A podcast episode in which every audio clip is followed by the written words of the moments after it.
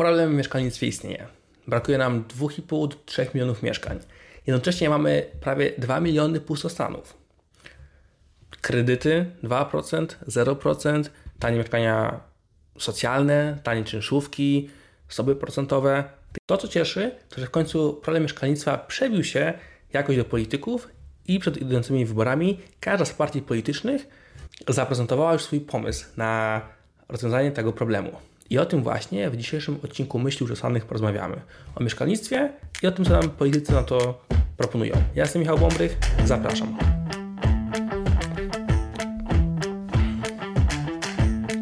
Że problem istnieje, to wie chyba każdy. I on istniał od zawsze. W zasadzie od kiedy Polska odzyskała niepodległość w 1918 roku, już wtedy mieliśmy za mało mieszkań. Potem po wojnie widzieli ten problem komuniści, za Gierka budowano bloki z wielkiej płyty, a po roku 1989 państwo wycofało się z budowania mieszkań, oddając ten problem wolnemu rynkowi. Niewidzialna ręka wolnego rynku miała to rozwiązać. Więc problem jest, my jesteśmy tego świadomi, politycy są tego świadomi, jednak kilka danych, żeby tylko naszkicować jego wielkość. I tak na przykład takim jednym wskaźnikiem, często używanym, jest ilość mieszkań na tysiąc osób.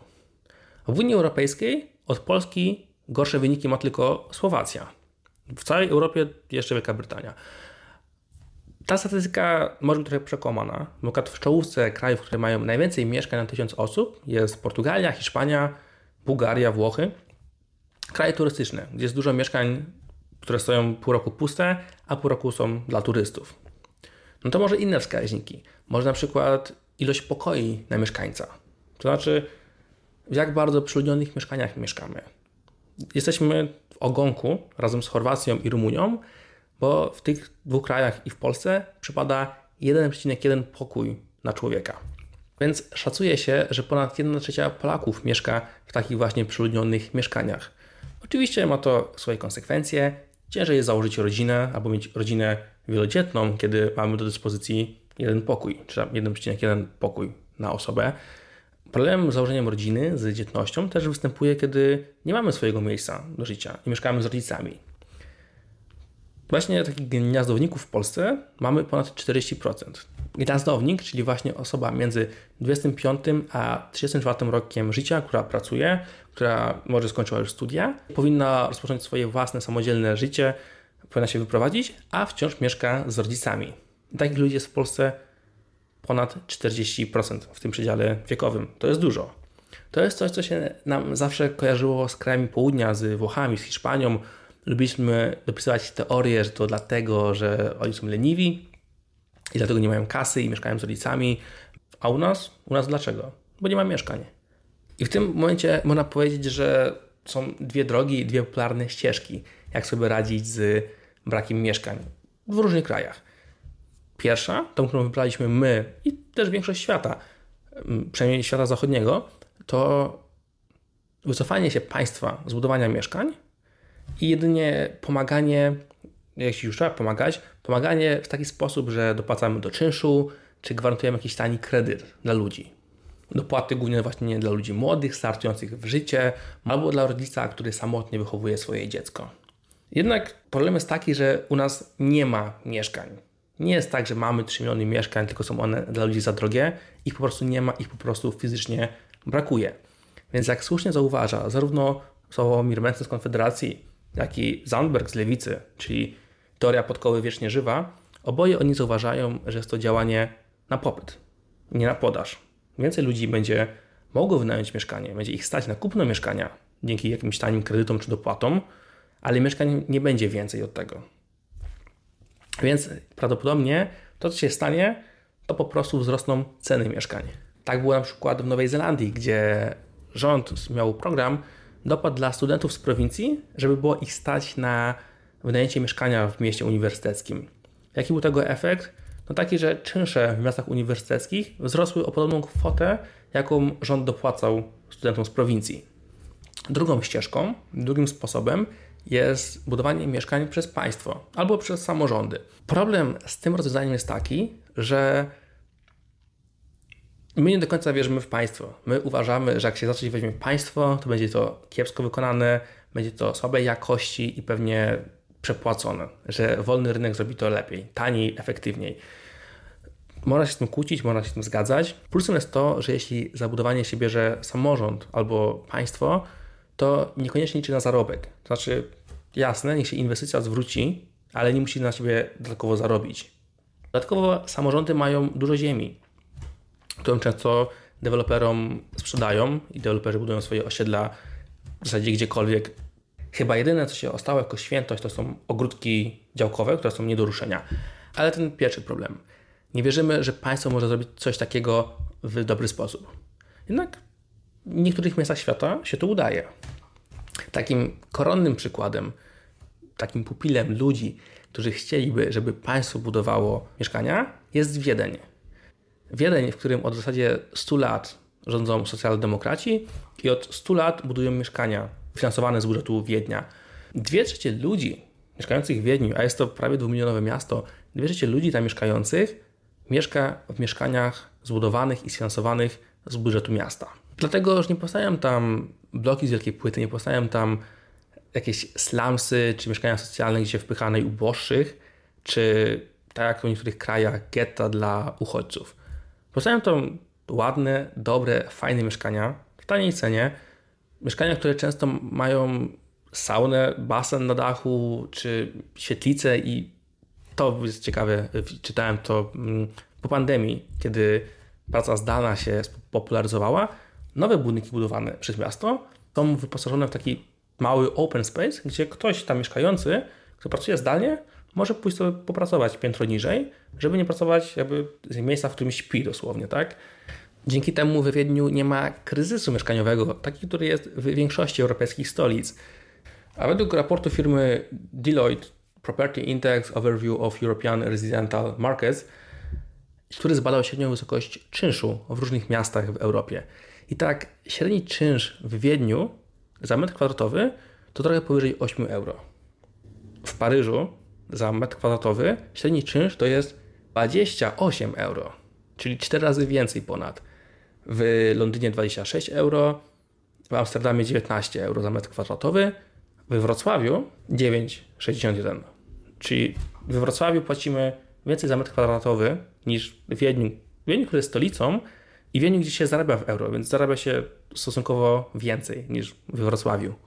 Oczywiście szybki kontrargument. Skąd miasto, skąd państwo ma mieć pieniądze na budowanie mieszkań? No, z tego samego źródła, skąd ma mieć pieniądze na dopłaty do kredytów czy na 500, z podatków. Ale tutaj przechodzimy do problemu, który trzeba trochę rozpakować. Hasło, które było przez lewicę odmieniane na wszystkie przypadki, mieszkanie prawem, nie towarem, hasła, którego nawet się chwycił Donald Tusk nie tak dawno. Spowoduje, że mieszkanie będzie prawem, a nie towarem. Można się z tym zgadzać, można się z tym nie zgadzać, ale w naszej konstytucji mamy zapisane, że władze publiczne prowadzą politykę sprzyjającą zaspokajaniu potrzeb mieszkaniowych obywateli. W szczególności przeciwdziałają bezdomności, wspierają rozwój budownictwa socjalnego oraz popierają działania obywateli zmierzające do uzyskania własnego mieszkania. Czyli co? Mieszkanie prawem, a może towarem, może wręcz inwestycją. I to jest to, gdzie jest pies pogrzebany. W czasach, kiedy mamy wysoką inflację, wiele mieszkań jest traktowanych jako inwestycja. Zarówno przez wielkie fundusze inwestycyjne, które wykupują kilka pięter w nowych budynkach, jak i przez zwykłych ludzi. Po co trzymać pieniądze na koncie, kiedy zżera inflacja? Po co ryzykować na giełdzie, gdzie możemy pieniądze stracić? Kupmy mieszkanie. Raz samo mieszkanie przez lata będzie na wartości zyskiwało, tak jak zyskiwało w latach poprzednich. Ci, nie mówmy o 2008 roku. Do tego, jeżeli to mieszkanie komuś wynajmiemy, więc dywidenda wypłacana z inwestycji będzie całkiem przyjemna. Może będzie spłacała kredyt, albo będzie dla nas dodatkiem. Na koniec to będzie zabezpieczenie na emeryturę, albo pójdzie dla dzieci. Super. Do tego najem mieszkania jest nisko opodatkowany. Podatku katastralnego w Polsce nie ma. W ostatnich latach, wtedy kiedy zaczęła rosnąć inflacja, zaczęła również rosnąć ilość mieszkań w Polsce kupowanych za gotówkę. Właśnie ludzie po prostu wyciągali pieniądze z banku, żeby kupić mieszkanie. Czy pierwsze, czy drugie, czy trzecie.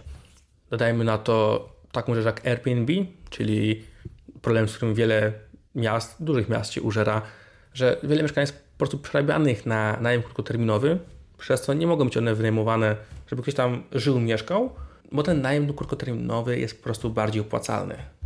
Wracając do Wiednia, który od 100 lat buduje mieszkania socjalne. Skąd wziąłem te pieniądze? Oczywiście, z podatków. 100 lat temu, w 1919 roku, komisarz Wiednia Hugo Breitner doprowadził do uchwalenia 18 podatków, które właśnie między innymi opodatkowały ludzi mieszkania posiadające. To są trochę inne czasy, 100 lat temu. Wtedy byli biedni robotnicy pracujący w fabrykach, którzy do miast najeżdżali. Wiedeń jest jednym z przykładów z pierwszych miast na świecie, który budował dla robotników mieszkania porządne. Przez porządne mam na myśli takie, które miały więcej niż jedno okno, a opodatkowano posiadaczy, czyli tych, co mieli kamienice, tych, co mieli wiele mieszkań, kapitalistów, kupców czy bogatych mieszczan. Podatki na nich nałożone były dość progresywne, bo zaczynały się od 2%, a mogły kończyć na 45% przychodów z wynajmu. Czyli ktoś miał kamienicę, którą wynajmował, miał całą kamienicę, był bogaczem. Zdarzało się, że prawie połowę zysków z tego, co wynajmował, musiał oddać państwu, znaczy miastu Wiedeń, a Wiedeń za to budował kolejne mieszkania. Nałożył on też podatki na najbogatszych, specjalne podatki od luksusu, które płacili posiadacze samochodu. Wciąż mówimy o czasach 100 lat temu, wtedy samochód był luksusem, posiadacze koni, czy ludzie, którzy zatrudniali służących w swoich domach. Dzisiaj w Wiedniu płaci się specjalny podatek mieszkaniowy w wysokości 1% pensji. 1% pensji płacony przez pracowników, przez pracodawców i idą te pieniądze właśnie na budowanie nowych i nowych mieszkań. Wyjątkowość tego, co robi Wiedeń, jest też to, że prawo do mieszkania w tych mieszkaniach zbudowanych przez miasto, które są tańsze i są niskie czynsze, ma ponad 80% mieszkańców Wiednia. To nie jest tak jak w Polsce, że do mieszkań socjalnych łapią się tylko ludzie, którzy mają najniższe dochody i dosłownie nigdzie indziej by nie mogli mieszkać. Nie, tam większość ludzi, ponad 80% ma prawo do mieszkania tam. Kryterium dochodowe, które określa, kto może się o takie mieszkanie ubiegać, jest dwukrotnością mediany zarobków. Czyli jakbyśmy to przełożyli na Warszawę, to każdy, kto zarabia brutto mniej niż 13 600 zł, mógłby się o takie mieszkanie socjalne ubiegać. To wszystko sprawia, że w takich mieszkaniach socjalnych w Wiedniu mieszkają ludzie o różnych przychodach. Klasa średnia, ludzie zarabiający lepiej, gorzej, ludzie biedniejsi, co też służy temu, żeby społeczeństwo było bardziej egalitarne. Żeby ludzie bogaci nie odgradzali się murem na szerzonym osiedlu, czy płotem i szlabanem od ludzi mniej zarabiających. To wszystko sprawia, że na przykład firma konsultingowa Mercer która prowadziła badania od roku 2009 do 2019, umieściła Wiedeń na pierwszym miejscu jako stolicę z najwyższą jakością życia. W konkurencji wzięło udział 221 miast z całego globu. Wybrali Wiedeń. Niektórzy się będą łapać za głowy, że tak, takie pomysły lewicy chcą dać kolejne podatki, podatki pewnie na auta, nie 1% od pensji, ale jak ja się nigdy nie uważałem za osobę o poglądach lewicowych, to jeśli za 1% pensji mógłbym wynająć mieszkanie w fajnym standardzie 4 czy 5 razy mniej niż najmuję obecnie, kurde, no totalnie bym się na to zgodził, totalnie bym na to poszedł, mógł mieszkać w tym mieszkaniu socjalnym. Oczywiście tam jest dużo więcej plusów i minusów. Pytanie takie, czy na przykład mieszkanie socjalne można dziedziczyć i takie rzeczy, w Wiedniu można, w których teraz wchodzić nie będziemy. Jednak wróćmy do Polski. Wróćmy do tego, jak partie polityczne w Polsce chcą walczyć z brakiem mieszkań w Polsce. Zaczniemy od PiSu i PO. Nie dlatego są to partie największe, ale dlatego, że obie te partie rządziły po 8 lat i w zasadzie nic nie zrobiły z problemem mieszkalnictwa. Pozorowały jakieś ruchy bez dużych efektów. PiS tej kampanii zaproponował i już od 1 lipca co zrealizował kredyt z maksymalnym oprocentowaniem 2% kredyt taki maksymalnie na 500 lub 600 tysięcy, w zależności od naszej sytuacji, czy mamy dziecko, czy mamy małżonka. Już banki zaczęły te kredyty udzielać. Państwo dopłaca przez pierwsze 10 lat, żeby te 2% utrzymać. Co ciekawe, czytałem, że zdarzało się, że banki odrzucały wniosek o kredyt, ponieważ no, składając ten wniosek, tam piszemy swoją pracę, swoją pensję i okazywało się, że dość często przychodzi młody człowiek, bo te kredyty są oczywiście dla, skierowane do młodych ludzi, Przychodził młody człowiek, który był od dwóch miesięcy zatrudniony w firmie swoich rodziców z bardzo wysoką pensją, żeby ten kredyt dostać. Czyli no, banki wnioskowały, że doszło do pewnej hmm, zmowy, do pewnej zmowy w tej rodzinie. Rodzice powiedzieli synowi czy córce, czy osobie, zatrudnimy cię w naszej firmie i potem kupimy ci mieszkanie za 2% na tym skorzystajmy. Taka przebiegłość, chytrość trochę. Banki odrzucają wtedy takie wnioski. PiS próbował też budować mieszkanie, o czym już mówiłem, w ramach programu Mieszkanie Plus. Miało być 3 miliony, powstało niecałe 3,5 tysiąca, więc chyba można to w zasadzie pominąć.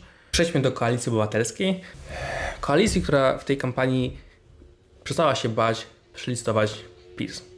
PiS mówi 800 plus od nowego roku, Platforma mówi 800 plus teraz. PiS mówi kredyt 2%, Platforma mówi kredyt 0. Kredyt 0% oczywiście dla ludzi poniżej 45 roku życia.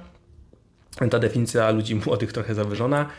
Mm, do tego 600 zł dofinansowania, jeśli ktoś mieszkanie wynajmuje, oraz propozycja przekazania 10 miliardów złotych z budżetu państwa na remont pustostanów, które w Polsce są, żeby te pustostany na rynek mieszkalny weszły. Lewica jest tą partią, która wybrała właśnie tą drugą drogę i mówi, że oni będą budowali mieszkania.